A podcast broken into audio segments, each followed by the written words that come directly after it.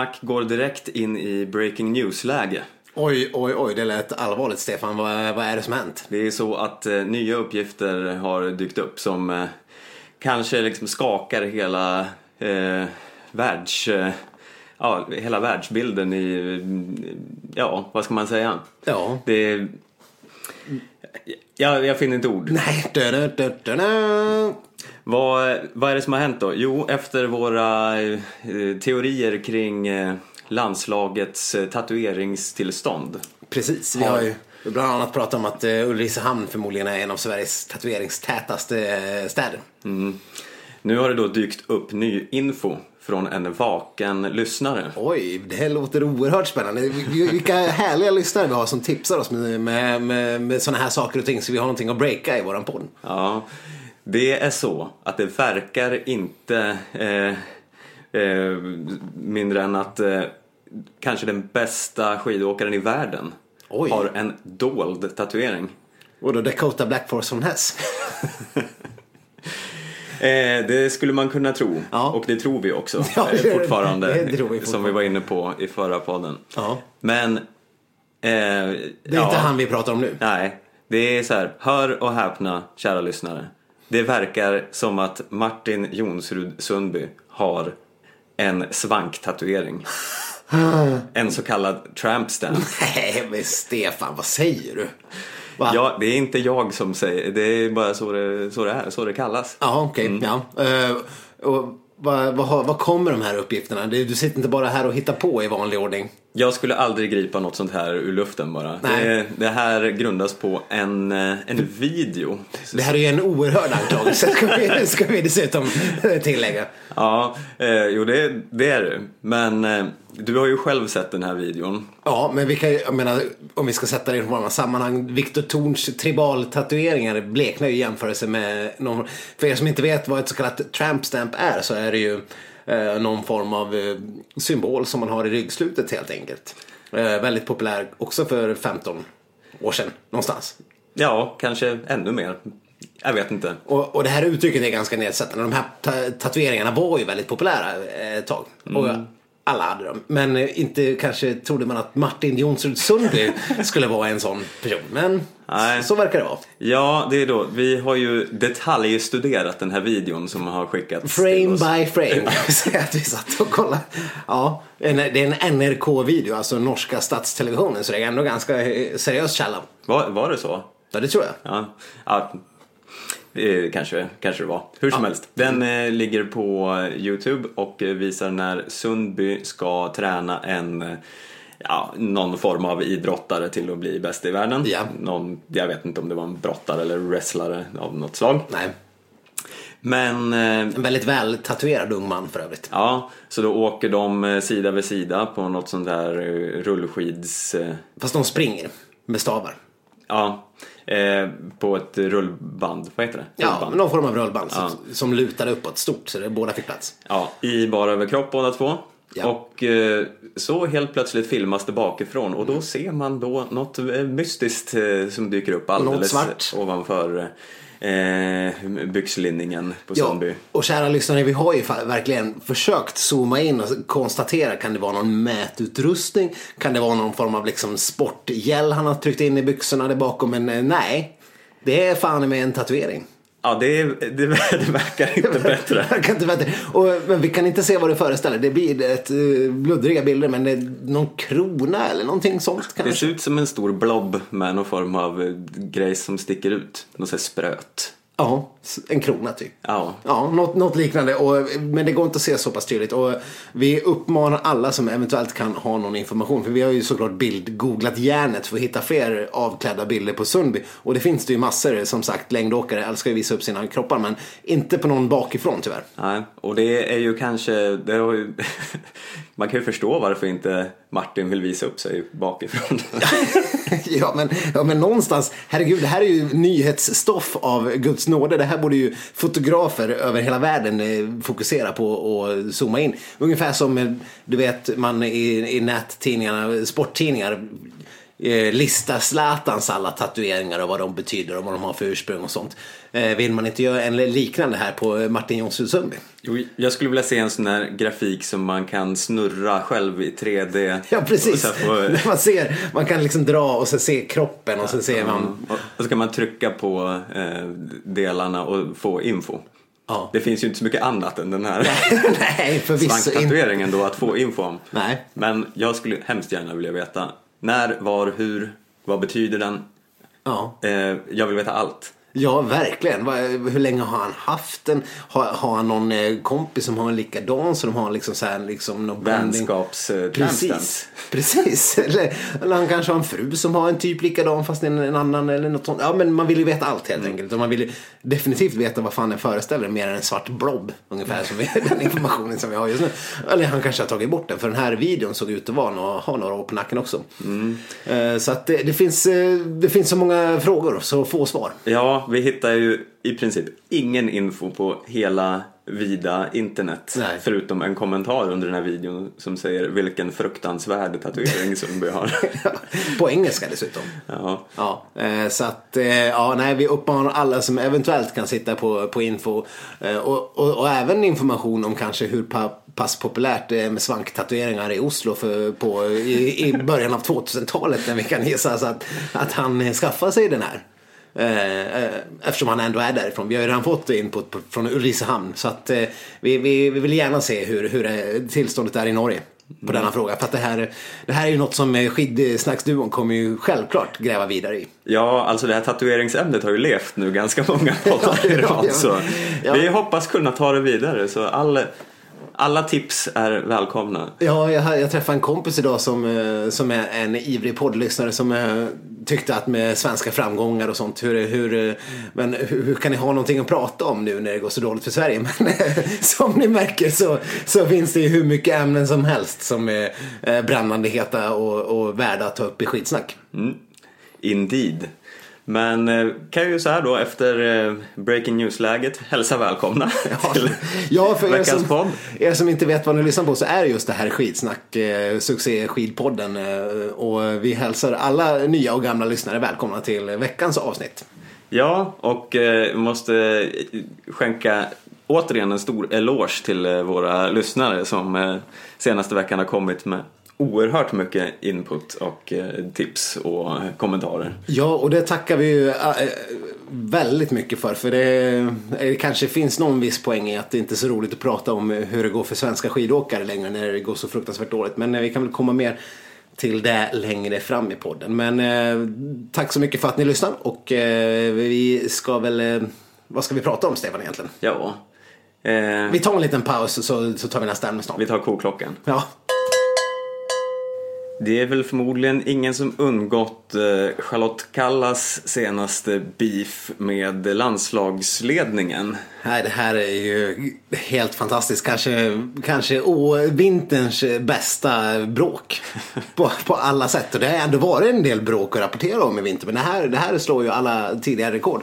Eh, på något vis. Det är ju fantastiskt att eh, se så mycket känslor. Ja, det här var ju efter eh, helgens eh, tävlingar i Falun. Ja. Då Charlotte Kalla eh, intervjuas av SVT. Och... eh, Det grundar sig ju i ett, ett uttalande tidigare. Ja, precis. Ehm, där, där, där landslag, landslagets damchef Mattias Persson eh, uttalar sig, jag tror det här är efter fri, eller om det är inför tävlingarna om, om hur Kallas säsong har varit och att hon kanske har varit lite stressad för att få upp formen inför, inför hemmaloppen i, i, i Sverige och sådär. Eh, och han säger att, eh, att hon har ont i själen. Ja. Eh, och då får ju Kalla då självklart frågan av SVTs reporter. Ja, hur precis. hon reagerar på det här uttalandet. Hur hon mår. Ja. Och ja, och den, ni som har sett den här intervjun kan ju bara, det är en helt fantastisk intervju. Vi har kollat på den tio gånger nu bara för att se hur eh, hon, eh, hon, hon, borde, hon visste säkert om att hon skulle få den här frågan men hon, hon har ett ganska klart och enkelt besked. Det här uttalandet får absolut stå för Mattias Persson.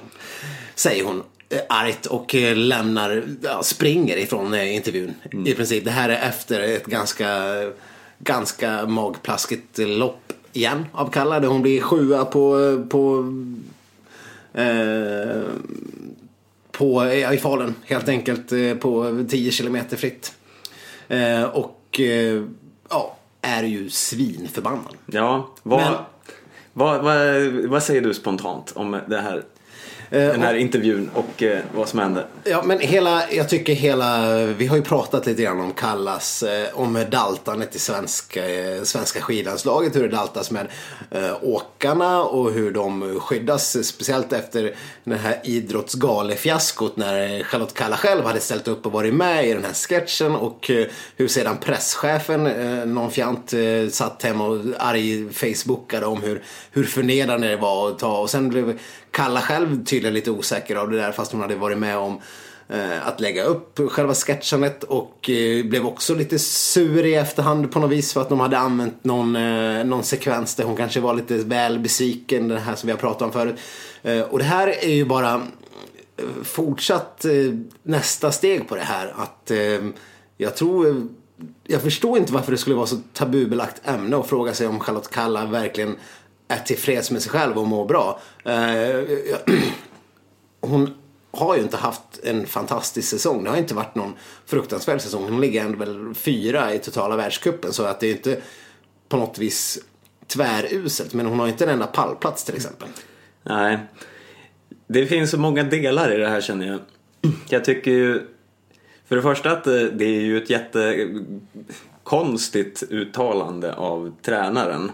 Eh, han lägger ju upp för eh, att det ska komma frågor och eh, för hela efterspelet. Så om de nu vill undvika någon form av eh, mediecirkus kring Kalla då är det här absolut konstigaste eh, beslutet någonsin att säga att hon mår dåligt i själen.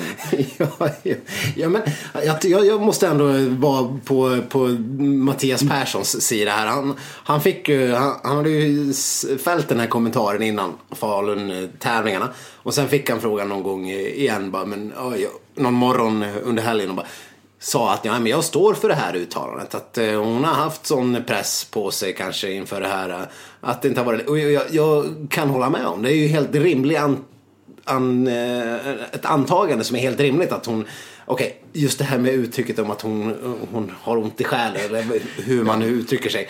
Eh, kanske man ska hålla sig utanför och bedöma andras, andra själars eventuella status. Kan man ju Ja, tycka. det kan man ju såklart. känna. Men han som eh, landslagstränare måste väl kunna få uttala sig om eventuella balansen på hans eh, åkares eh, psyken just nu. Ja. Någonstans lite grann. För att eh, alla vet ju att Charlotte Kalla själv eh, har förväntat sig väldigt mycket mer av den här säsongen än vad hon har fått ut av den. Ja. Och eh, ja, absolut, det är klart han ska kunna uttala sig om hennes situation och hennes form och allt. Men just ordvalet med själen Ja. är ju så jättekonstigt. Jag, jag, jag kan inte förstå hur, hur han tänkte där. Så du är team Kalla och jag är Matti, team Nej, Mattias jag skulle ju säga nej. Det här är ju bara liksom det första momentet. Jag tycker att det är ett konstigt uttalande. Eh, sen tycker jag att Kallas reaktion där är ändå lite så här. Eh, ja, men eh, uppfriskande att hon då väljer bara att eh, ta striden istället för att Ja. säga eh, jag mår bra. Eller något. Att Kalla blir tvärförbannad i en intervju, det är inte direkt eh, nej, men- nyhet nu för tiden. Nej, fast tvärförbannad brukar ju oftast innebära att hon svarar korthugget och ingenting på saker och ser arg ut. Nu, Nej, här, hon skickade ju ändå någon form av besked här. Ja. Det där uttalandet får verkligen stå för Mattias Persson. ja, som att vad fan har du Ja. gått ut och sagt det? Ja, men det var väl ungefär hennes sätt att säga att han ska fan i mig hålla käften och inte prata om mig på det där viset. Mm. Så kan vi ju tolka in det helt utan att absolut. Och Eh, det tycker jag ändå är lite respektingivande. ja. Ja men det är klart, hennes status eh, är ju mycket större än vad hans är inom svenska skidlandslaget eh, rimligtvis. Så att det är klart hon kan göra det. Och det ska hon väl göra också. Hon är ändå den absolut störst lysande stjärnan i, som vi har i Sverige just nu. Vad gäller skidåkning. Ja, det jag tycker är det sjuka i den här, det här dramat. Det är ju sen svenska folkets eh, reaktioner mot media. Som sen bara, åh, hur kan de ställa den här hemska frågan till Charlotte Kalla? Som ju är så given, den är så fullkomligt självklar att ja, ställa. ja, men herregud, klart man måste få fråga. Ja, men alla vill ju veta det och svenska folket vill ju också veta hur hon mår egentligen. Det är klart. Och hon är ju en offentlig person. Hon, hon har valt att ha ett yrke där ens status, ens fysiska status har allt att göra med hur man presterar på sitt yrke. Precis allt och psykiska status ska vi inte minst glömma bort heller. För det vet ju alla att, att när det gäller skidåkning så är psyket något så helt otroligt viktigt. Och där känner jag att någonstans har ju det här tappats bort under den här säsongen. Åtminstone för Charlotte Kalla. Hon har ju haft en som vi var inne på tidigare, en sjuk bra förmåga att kunna formtoppa inför mästerskap och, och kunna, och, och det har ju bara med, alltså bara, det har ju, det har ju lika mycket mental träning som, som fysisk träning för att kunna vara så pass bra när det verkligen gäller. Och till den här säsongen så har hon ju inte lyckats alls. Jag tror att hon behöver mer tydliga mål för att kunna, kunna toppa sig själv och prestera bra. Nu, den här är ju jävla mellansäsong så att eh, jag vet inte. Jag tror att hon skulle behöva byta ut sin mentala coach. kan, vi, kan vi dra till med det? Ja, kanske det. Eh, men... Va? Ja, nej men absolut. Men eh, jag känner liksom att i den här soppan Mm. som har varit helgen. Om jag ska dra min slutsats av det hela. Mm. Konstigt uttalande av eh, eh, tränaren Ja. ur ett mediesam, eh, ur mediesynpunkt. Mm. Rimlig reaktion på det uttalandet av Kalla. Ja. Orimlig reaktion från svenska folket på att eh, journalister frågar om detta. Ja, eh, och jag vet inte hur svenska folket har reagerat riktigt. Men, eh, men det, det är klart, det finns ju alltid... De som väl ger uttryck för någonting gör ju oftast eh, det genom att vara missnöjda. Om man ska se till hur folk reagerar i sociala medier och sånt. Eh, det är inte som att folk har en förmåga att vara jätteglada och positiva till framförallt sånt som medier gör rent generellt. Men det här har också fått konsekvenserna att Charlotte Kalla ska avstå eh, tävlingarna i Lahti. Eh, som ändå är nästa års VM-ort. Vilket jag kan eh, tycka är lite konstigt att man inte vill åka där säsongen innan. För att det har väl också med, med den mentala förberedelsen att göra. Åka på de här banorna där VM ska vara nästa gång. Kan man ju tycka lite grann. Tycker jag i alla fall. Men det är klart hon får väl hon vet väl själv, hon har väl åkt där förut gissar jag. Hon har väl varit 150 miljarder gånger i Lahti så jag tänker att det kanske inte spelar så stor roll. Hon är ju redan körd eh, i världskuppen för att nå en pallplats. Ja. Det är alldeles för långt till väng så på så sätt så spelar det inte så stor roll. Men det är ju skiathlon också. Det har ju också varit något, eh, av- en av hennes bättre grenar. Ja, och det är ju såklart synd att hon avstår men eh, jag känner inte riktigt att det är ett sånt extremt felbeslut. Eller Nej. Vad tycker du? Nej, men det, det kan hon väl få göra. Speciellt när det blev så mycket turbulens kring det här. Och att hon har presterat ganska, ganska cast. Så att då kan hon väl vara hemma och vila upp sig och träna inför. För det är väl den här kanadensiska touren som är det sista som händer sen i världscupsammanhang. Eh, Så det kanske kan vara en poäng och, eh, och ladda upp inför den istället. Och ja, som svenskar är, rent generellt har gjort den här säsongen istället för att tävla och vara hem och ladda. Det har ju varit Ja, ett eh, oerhört framgångsrecept hittills i år. Får man ju säga. Men ja, nej, vi, vi kommer väl här med all största sannolikhet ha, ha behov av att återkomma till den här kalla soppan. Ja, kanske ett avsnitt till där det handlar om tatueringar, kalla, något om Norge. Vi, vi får väl se. Ja, och någon ungdomsframgång hit Ja. och dit. Ungefär så. Ja, men på tal om Falun. Du har ju faktiskt varit på plats. Ja, men det har jag. Eh, Det har jag. Och innan vi, innan vi ska gå in och prata om det här så ska vi inleda med att faktagranska oss själva. För att eh, Kalle har ju visst varit på pallen eh, i år. Två gånger dessutom. Eh, I, I Ruka bland annat. Och eh, hon har varit tvåa och trea i, i världscupen i år. Så att eh, ändå alltid något. Men Falun var hon ju inte på pallen. Nej. Men jag var där och det var fantastiskt. Det var det alltså? Ja, det, det var det. Det är ju alltid lika roligt att vara på skidspelen i Falun. Du såg någonting? Det var ingen sån här Nej. skräck och panikdimma som Inte ens, inte ens lite dimma. Det var nästan så att vi till och med såg lite sol på söndagen. Nästan så att ni såg för mycket? Ja, ja nej, och, och ur svenska insatsmässigt sett så kanske vi såg alldeles för mycket för att det, man märkte ju väldigt tydligt om hur dåliga folk eh, var som åkte i de vita och med dräkterna med inslag av gult. Eh, För de var inte så långt fram. Nej. Eh, Vi hade ju Maria Rydqvist som, eh, som bästa svenska med en femteplats eh, på, på söndagens eh, fristilstopp där. Men det var väl, eh, det, var väl det, det roliga som vi hade överhuvudtaget. Eh, Även om jag som bekant alltid är team Hellner eh, och ändå tyckte det var fortsatt väldigt roligt att se Hellner åka. Han var ju jättedålig på, på lördagen när det var eh, klassiskt lopp, individuell start. Eh, och jag ska göra en liten, en, liten vändning här. Eh, kring hela mitt eh, skidåkande intresse. För när det gäller individuell start eh, så var det ganska trist. Oj, oj, oj. Här händer det saker. Eh, mest för att eh, det, blev, det var ju så korta distanser. 5 kilometer och eh, 10 kilometer på lördagen. Vilket innebar att damerna åkte ett varv eh, på en slinga. Så då är det ju ganska poänglöst med individuell start. För att eh, du, det blir ju ingen, eh, du kan inte, det blir ingen vidare ryggåkning och sådär när du åker så jävla kort tid. Det där loppet var ju över på en kvart. Eh, och Det är som en lite längre sprint Ja, egentligen. men precis. Det är som att åka tre sprintvarv i rad. Eh, ganska precis. Och eh, du tjänar ju ingenting, du tjänar ju inte direkt någonting på att ta rygg på någon för att.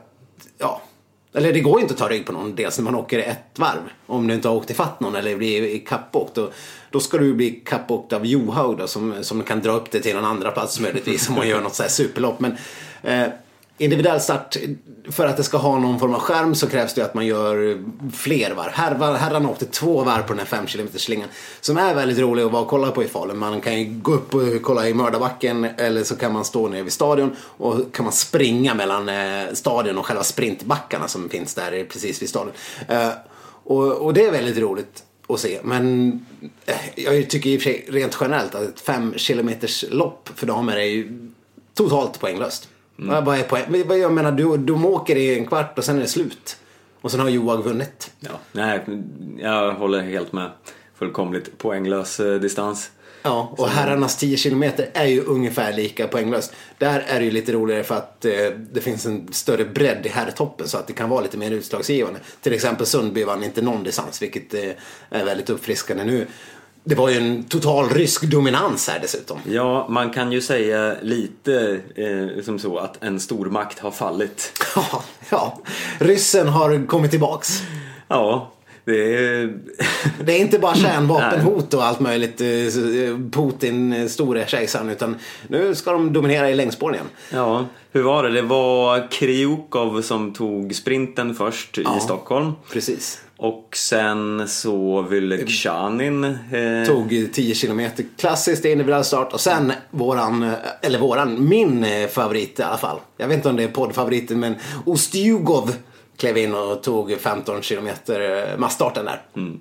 Och det var ju flera som var högt uppe och kämpade. Besmärknych och eh, eh, vad heter han den här andra? Belov. Belov, ja. Och, Så de verkar ha hittat någon eh, formtopp, Ja ryssarna men nu. verkligen. Det var men bara att eh, Norge inte, inte var med och vann. Eller var, var de ens på pallen när här, här laget blir jag lite osäker på.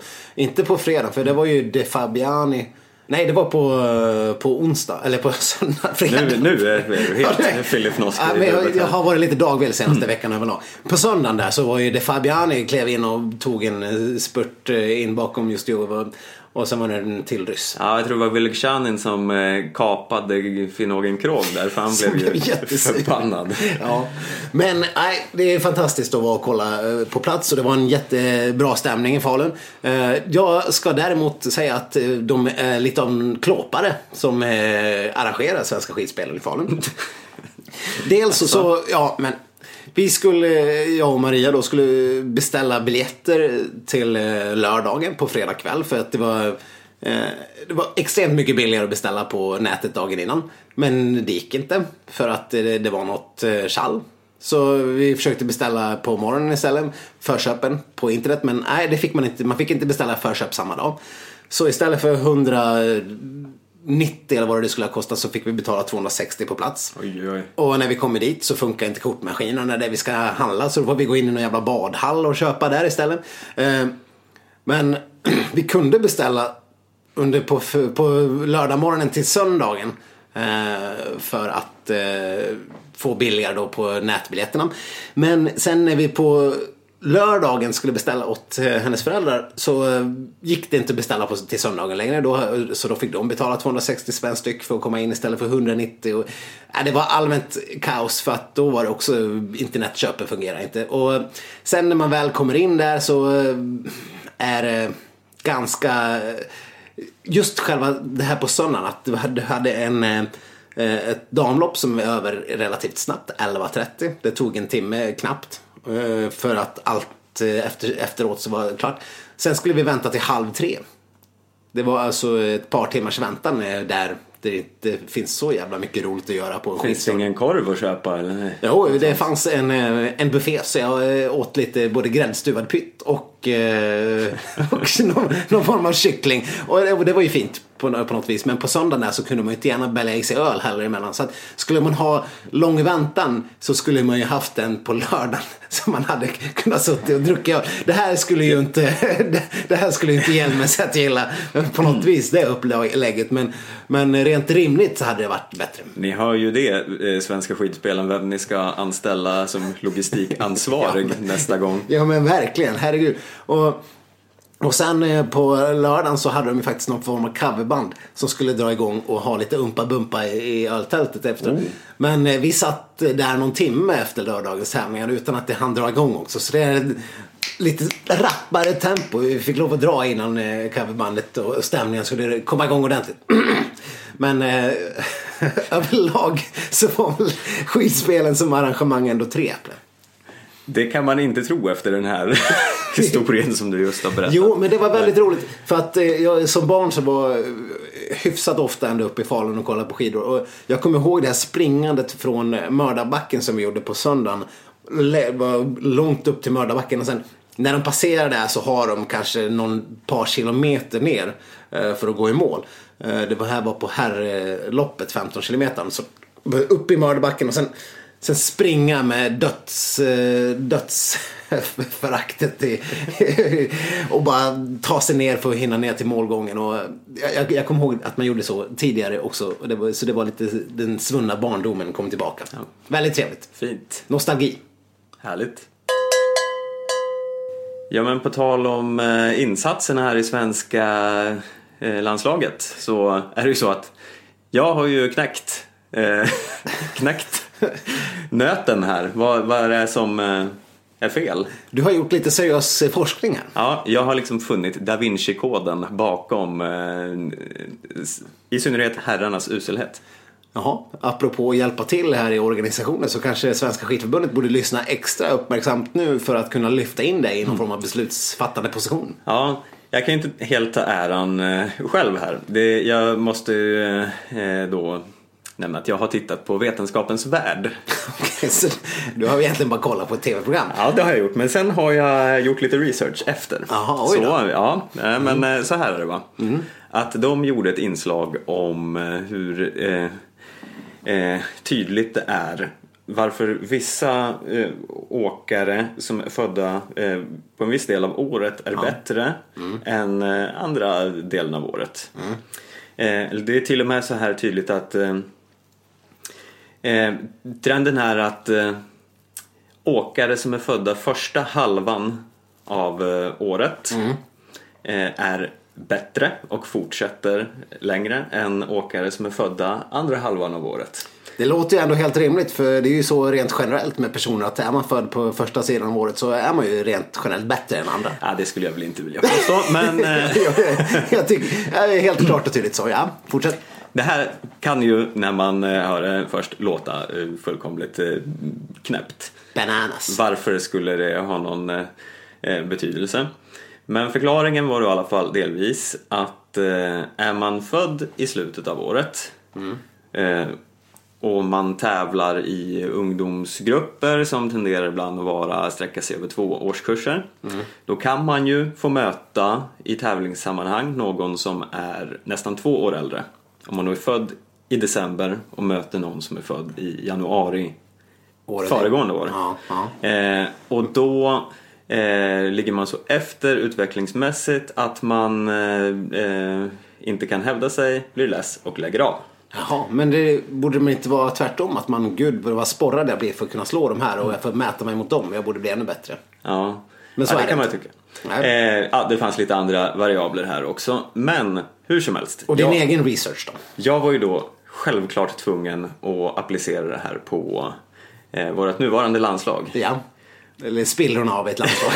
ja. som, som vi kan kalla dem. Mm. Ja. Och eh, då eh, kollade jag på 10 damåkare, 10 herråkare. Hur det urvalet går till. Ja, men, nej, men det, var, jag, jag tog ur huvudet de som eh, åker oftast. eh, Låter inte riktigt vetenskapligt. Väldigt eh, empiriskt eh, grundat där. Okej. Ja, men vi har då eh, Anna Haag, Maria Rydqvist, Charlotte Kalla, Stina Nilsson, Ida Ingmarsdotter, Linn Sömsker, Sofia Henriksson, Emma Wikén, Jenny Öberg och Jonna Sundling. Det låter väl ändå Ja, eh, men det, precis. Det är nog eh, tio av våra främsta. Ja, här är ju då en eh, övervägande majoritet, 70% är födda första halvan av året. Oj, 70 procent. Mm. Mm. Sju av tio alltså. Ja, Ja. om vi pratar klarspråk. Mm. Ja, och då har vi ändå Kalla som lite slamkrypare där i mitten som faktiskt är född andra halvan av året men ja, det. Skitsamma. 70%, nu talar vi bara siffror här, Ja. inte individuellt. nej. Vad Eh. drar man för slutsatser av det? Ja, men det är ju liksom ändå, ja men eh, eh, 70% eh, ja, damerna är ju ändå ja, men hyfsat god nivå. Så de, de har, de, har fötts tillräckligt med bra damer. Precis, som vi har varit inne på så har ju damlandslaget faktiskt rent kollektivt sett gjort en väldigt bra säsong enligt eh, den här faktagranskaren eh, Nordic Ski PhD. Eh, och inte alls den här typ sämsta säsongen på mannaminne som det har känts som. Ja. Men det är väl för, mycket stavas Stina Nilsson och sprintframgångar. Eh, och att vi har haft någon form av bredd i sprint jämfört tvärtom mot annat. Men ja, fortsätt. ja, men då har vi alltså herrarna. Och då har jag kollat på Marcus Hellner, Kalle Alvarsson, Simon Andersson, Jens Burman, Martin Johansson, Anders Svanebo, Emil Jönsson, Theodor Pettersson, Anton Lindblad och Oskar Svensson. Ja. Jo, det är en tänkt topp. Mm. Här är det ju så att eh, majoriteten är födda fel halva av året. Nej då. Förlorare helt enkelt. Ja. Och då är det ju så här, det här kan man ju dra en vetenskaplig slutsats av. Ja, självklart. Att Hade du några procentsatser där? Ja, det var 60 tror jag. 60 procent. Som var födda fel? Ja. Okej, en Alltså- majoritet. Mm. Ja, En liten men ändå Ja, en majoritet. Ja, ja. Det är så att det helt enkelt inte fanns tillräckligt med eh, bra åkare. Jag Så vill säga med- alla som är födda i början av året. Så. Till och med förlorare som är födda på fel sida av året kan hävda sig i svensk konkurrens Ja. och bli landslagsmässiga. Så alla så här, skidföräldrar eh, back in the days Mm. har legat fel tidpunkt på året. Ja, jag förstår. Nej, Men hur, för att kunna dra några slutsatser av det här så borde du ha gjort samma kontroll med typ ytterligare ett antal landslag, norska framförallt och kanske ryska och franska eller något sånt för att kunna ha någonting att jämföra med. Det har du inte gjort va? Eh, nej, det har jag inte gjort. Nej, då uppmanar vi eh, forskningslagda lyssnare att göra den här jämförelsen så att vi kan se om vi har något statistiskt underlag att komma med överhuvudtaget. Mm. Men annars så drar vi väl lite slutsatser av det här som du har gjort på- din Det, ganska tycker det här är det mest vetenskapliga vi någonsin har gjort i den här podden. Jag vet inte. Vi kollade ju faktiskt upp eh, Sundby, eh, den totala suveränen i, i årets herrvärldscup är ju född i slutet av året. Så att, men det kan ju också vara någon form av undantag Undantaget som bekräftar regeln. Det, det är ju ändå ganska. Nej, men eh, nu ska jag dra till med lite killgissningar här igen. I vanlig ordning. Men jag har eh, faktiskt för mig att det här är ju något såklart som studeras ganska noggrant inom eh, psykologi och andra sådana ämnen.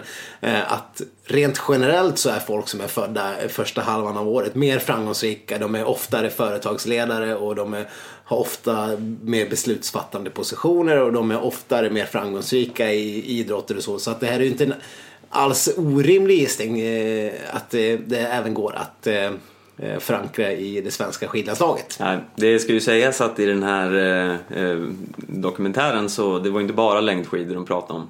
Eh, jag tror det var 70% av eh, alla NHL-spelare födda första halvan av ja. året. Ja. Så Ja, det... Det är bara shout-out till alla, alla blivande föräldrar där ute. Att eh, nu får ni för fan se till att planera era, era graviditeter ordentligt om ni vill nå några framgångar med ungarna. Ja, tänkte besvikelsen om man verkligen har tänkt att ens framtida barn ska bli eh, någon form av idrottshjälte. Ja. Och så Kom. Blir det planerad nedkomst i sen november? Ja, vilken mardröm. Då kan man ju lika gärna... Nej, nu ska vi, nu ska vi ta det. Men eh, ja, nej, det, vore, det, vore ju, det vore en besvikelse. Ja, nej, jag tycker det här var en, en fin eh, faktaspäckad stund här i skidsnacken och, och gav lite vetenskaplig pondus till den här mm. podden. Ja, på tal om vetenskap ja. så har vi ju eh, nåtts av nyheten att vår kära vetenskapsman eh, Lord Nelson är Radio, på väg. Radioamatören eh, Lord Nelson. Ja. Han är på väg att göra någon form av comeback. Precis, men inte i svenska skidlandslaget. Nej, han skulle egentligen göra en... Han hade en planerad comeback först. Ja. I, om det var Intersport Cup i Hudiksvall. någon form av Kalle Cup för vuxna. Ja. Men det sket sig för han har varit ner i tunnelbanesystemet och hånglat med den här välkända uteliggaren. Alternativt blivit eh, opererad av den här italienska eh, kirurgen. Ja. Vi vet inte vilket det är riktigt men... Ja, eh, men på något sätt har det strulat med halsen. Ja, luftrören åt helvete. Mm. Ja. Så, så att istället, får... istället för Kalle Anka Cup så skulle han ha någon senare säsongspremiär. Ja, det var något som hette Fjälltopploppet Oj. Vet inte riktigt eh, exakt vad det är för typ av lopp. Men då ska han i alla fall eh, sikta på en liten comeback. Mm, kanske ingår i Musse Pigg-serien också som mm. nordiska varianten av Kalanka Cup. Ja, men när vi ändå är inne på, på Lord Nelson så kan vi väl ändå säga att vi hade väl varit glada att få se honom i landslaget igen med tanke på hur det har sett ut i år. Ja, han hade nog mätt sig mycket bra, tror jag. Så vi kan väl uppmana Lars att kanske tänka över det här och åka med till Lahti eller något sånt. Mm, det finns säkert någon biljett över. Någon plats på planet. Eh, som vanligt har vi ju ett eh, lite så här glädjeämne i skymundan som vi bör nämna. Precis, eh, ungdoms talanger som tar medaljer i internationella mästerskap är alltid roligt att prata om. Ja, det har varit någon form av ungdoms-OS i Lillehammer. Eh, väldigt oklart vad det här är för någonting eller varför. Ja, men, eh... men hur som helst. Där har eh, bland annat en ung talang som heter Moa Lundgren mm. eh, glänst till. Ja. Eh, och eh, vunnit guld i en helt galen disciplin ja. som är ny i längdskidåkningen. Som jag ärligt talat inte kände till innan eh, eh, den här veckan. Nej, skicross. Nej, det är längdskidcross. Längdskidcross. Som en slags variant av skicross med längdskidor. Ja, precis. Då, den, vi satt och kollade på loppet där Moa gick segrande eh, och där vi hade en, en, en Johanna Hagström på andra plats. Så det var guld och silver till Sverige ungdoms-OS i den disciplinen. Men den är ju helt bisarr. De åker över någon, det är som en sprintbana 1,4 kilometer. Men de har slängt in lite, lite hinder, hinder, på vägen. De åker över något gupp först och sen... En sen, litet hopp Sen är det något litet hopp och sen är det några andra konst, en jättekonstiga dubbelgupp på vänster och höger skida de åker. Och sen, eh, sen är det slalom eh, uppför och sen är det, Det kom, slalom ja, kommer nerför. som en liten mini Ski-klättring eh, mitt i allt och så sen ska man åka nerför. Och, Ja, och sen avslutat med ett riktigt mördarhopp mot slutet innan det kommer några fler konstiga gupp. och så en liten velodromkurva som man ska ta. Eh, Ja. såg helt vansinnigt ut. Ja, störtlöjligt skulle man kunna säga. för, att, för att citera Baloo, nej, Bagheera.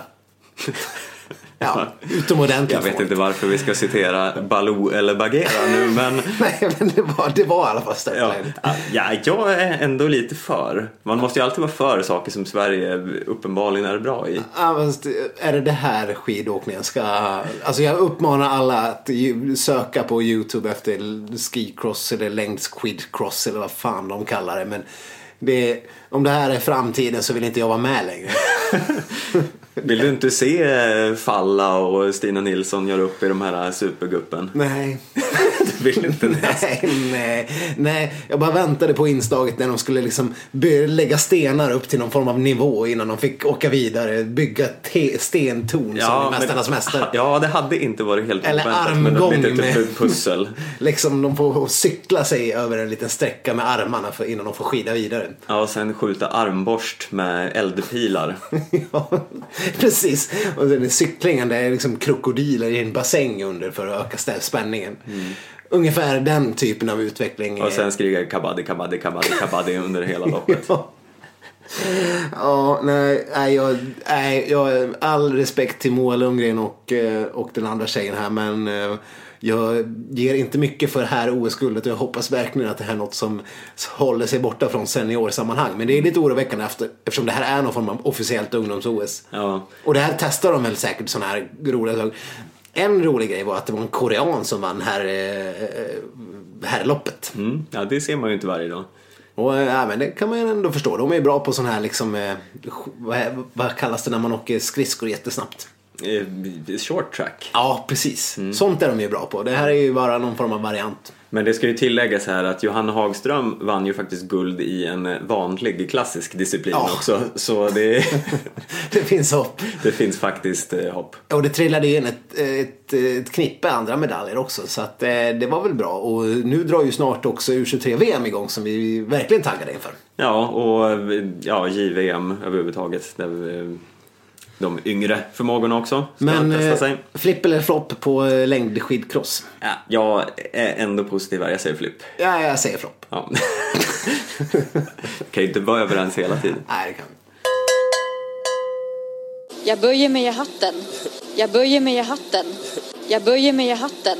Ja, så här lät det alltså för förra helgen. Ja. Eh, som vi pratade om i förra podden. Det här var Johanna Ojala, SVTs eh, skidexpert. Eh, som böjde sig i hatten. Som vi hade väldigt eh, roligt åt. Ja, vi, vi, jag vet inte om man ska kalla det håna, men vi är kärleksfull, eh, eh, ja, Kärlekshånade. kärlekshånade Johanna Ojala och hennes eh, otroligt eh, liksom bildliga uttryck. Det, det gav, man, man fick eh, syner som var väldigt roliga helt enkelt när hon böjde sig i hatten. Ja. Eh, och sen uppmärksamma lyssnare slog till igen. Ja, alltså de... Ni är så bra, eh, ni lyssnare där ute. För vi kan aldrig eh, komma undan med saker. För då, då kommer ni att berätta vad som är rätt. Ja. Det är så att Johanna Ojala är ju antingen en copycat Ja. eh, som har stulit det här uttrycket. Eh, alternativt sa hon också fel. Det Ja. är lite oklart för man märker inte riktigt om hon gör det här humoristiskt eller inte. Hon ler lite grann har vi sett nu när vi har specialstuderat klippet när hon, när hon böjer sig i hatten. Eh, hon ler lite grann efteråt men, men Pops eh, snappar inte upp det utan kastar sig rakt in i, i en annan eh, fråga helt plötsligt. Men hon säger det här i, i Holmenkollen när hon hyllar eh, eh, Sundby eller vem det nu är. Eh, någon, Johaug eller Sundby förmodligen. Hon böjer sig i hatten. Och eh, men så har det ju alltså visat sig från våra lyssnare att det här är ju faktiskt Heidi Weng som, eh, som har myntat det här uttrycket och enligt artiklar som jag läst så var hon verkligen först. Eh, vilket hon inte själv tyckte var någon stor ära direkt. Eh, men hon sa det här i samband med att Norge hade kapitalt misslyckats i damstafetten i Sochi. Mm, ungefär så här lät det. I dag var andre nasjoner bedre på oss å finne ut, eh, finne ut av denne snøen og hvordan de skal få til bra ski. Så det er bare å tak, eh, bøye seg i hatten holdt jeg si, at Sverige vant. Og, ja, det er moro at det er andre, men vi skulle gjerne vært stått der, vi òg. Ja, så det är ju frågan om eh, Johanna Ojalas eh, hattböjande är en hommage till detta Ja. eller om eh, hon helt enkelt eh, använder sig av samma uttryck för att hon har bott i Norge så länge. Så Ja. kan man helt plötsligt råka böja sig i hatten. Om någon, eh, om Johanna Ojala eller Heidi Weng eller någon mer annan sitter på eh, lite mer utförlig information kring det här så får ni gärna mejla oss på eh, skitsnacket.gmail.com eller skriva på, på Facebook. Ja. Vi vill gärna ha sanningen kring Ojalas eh, hattböjaruttryck. Ja. Någon norsk ordspråksexpert kanske kan uttala sig? Ja, precis. Någon som, eh, och, och kanske om någon kan, eh, någon ordstävsspecialist som kanske har forskat i det här kan eh, komma fram till att det kanske eh, rent av fanns någon annan som sa det här ännu tidigare. man, man, vi vet ju faktiskt inte. Nej, vi vet ingenting. Nej. Men eh, intressant är det i alla fall. Ja, och ett väldigt eh, roligt uttryck som man kan bara böja sig hatten för. Eh, så vi böjer oss hatten återigen. Återigen. Ja, och det, med det sagt så ska vi väl eh, böja oss hatten för alla lyssnare återigen och säga att eh, tack så mycket för att ni har lyssnat på oss. Ja, och eh, vi kan väl uppmana er alla att komma med eh, förslag eller eh, önskningar om vad vi ska ta upp i kommande poddar eh, mot slutet av den här säsongen. Eller bara allmänna hejarop. Vi hade ju våra respektive systrar hade lite olika uppfattningar om senaste podden. Eh, Min syster sa att eh, det var bra flamsigt medan din, eh, en av dina systrar tyckte att det var bland det bästa vi har gjort. Ja. Så att skidsnackspubliken är ju som baken helt enkelt. Eh, Och vi vet inte. Nej, nej, nu menar jag inte att ni är rövar allihopa. Det är inte alls det jag säger. Eller arslen på något sätt. Utan att skitsnack kan leverera något för alla ibland. Men, men vi försöker vara så mångfacetterade som vi bara kan. Ja, eh, så... Jag tror inte vi kommer så mycket längre Nej. just med det. Men jag vet inte vad jag vill ha sagt. Men eh, kul i alla fall att ni hör av er. Ja. Oavsett om det är med svidande kritik eller, eller halsbrytande beröm. Så som vanligt vill vi nu säga att ni ska surfa in på alla våra sociala medier som vi inte längre orkar nämna. Eh, och eh, gärna dela våra inlägg så att fler får, eh, får, möjlighet att lyssna på, på Njuta. oss. ja. Njuta Ja. av våra felsägningar och eh, faktagranskningar. Och vi hörs väl igång eh, igen nästa vecka kanske. Det gör vi. Hej då!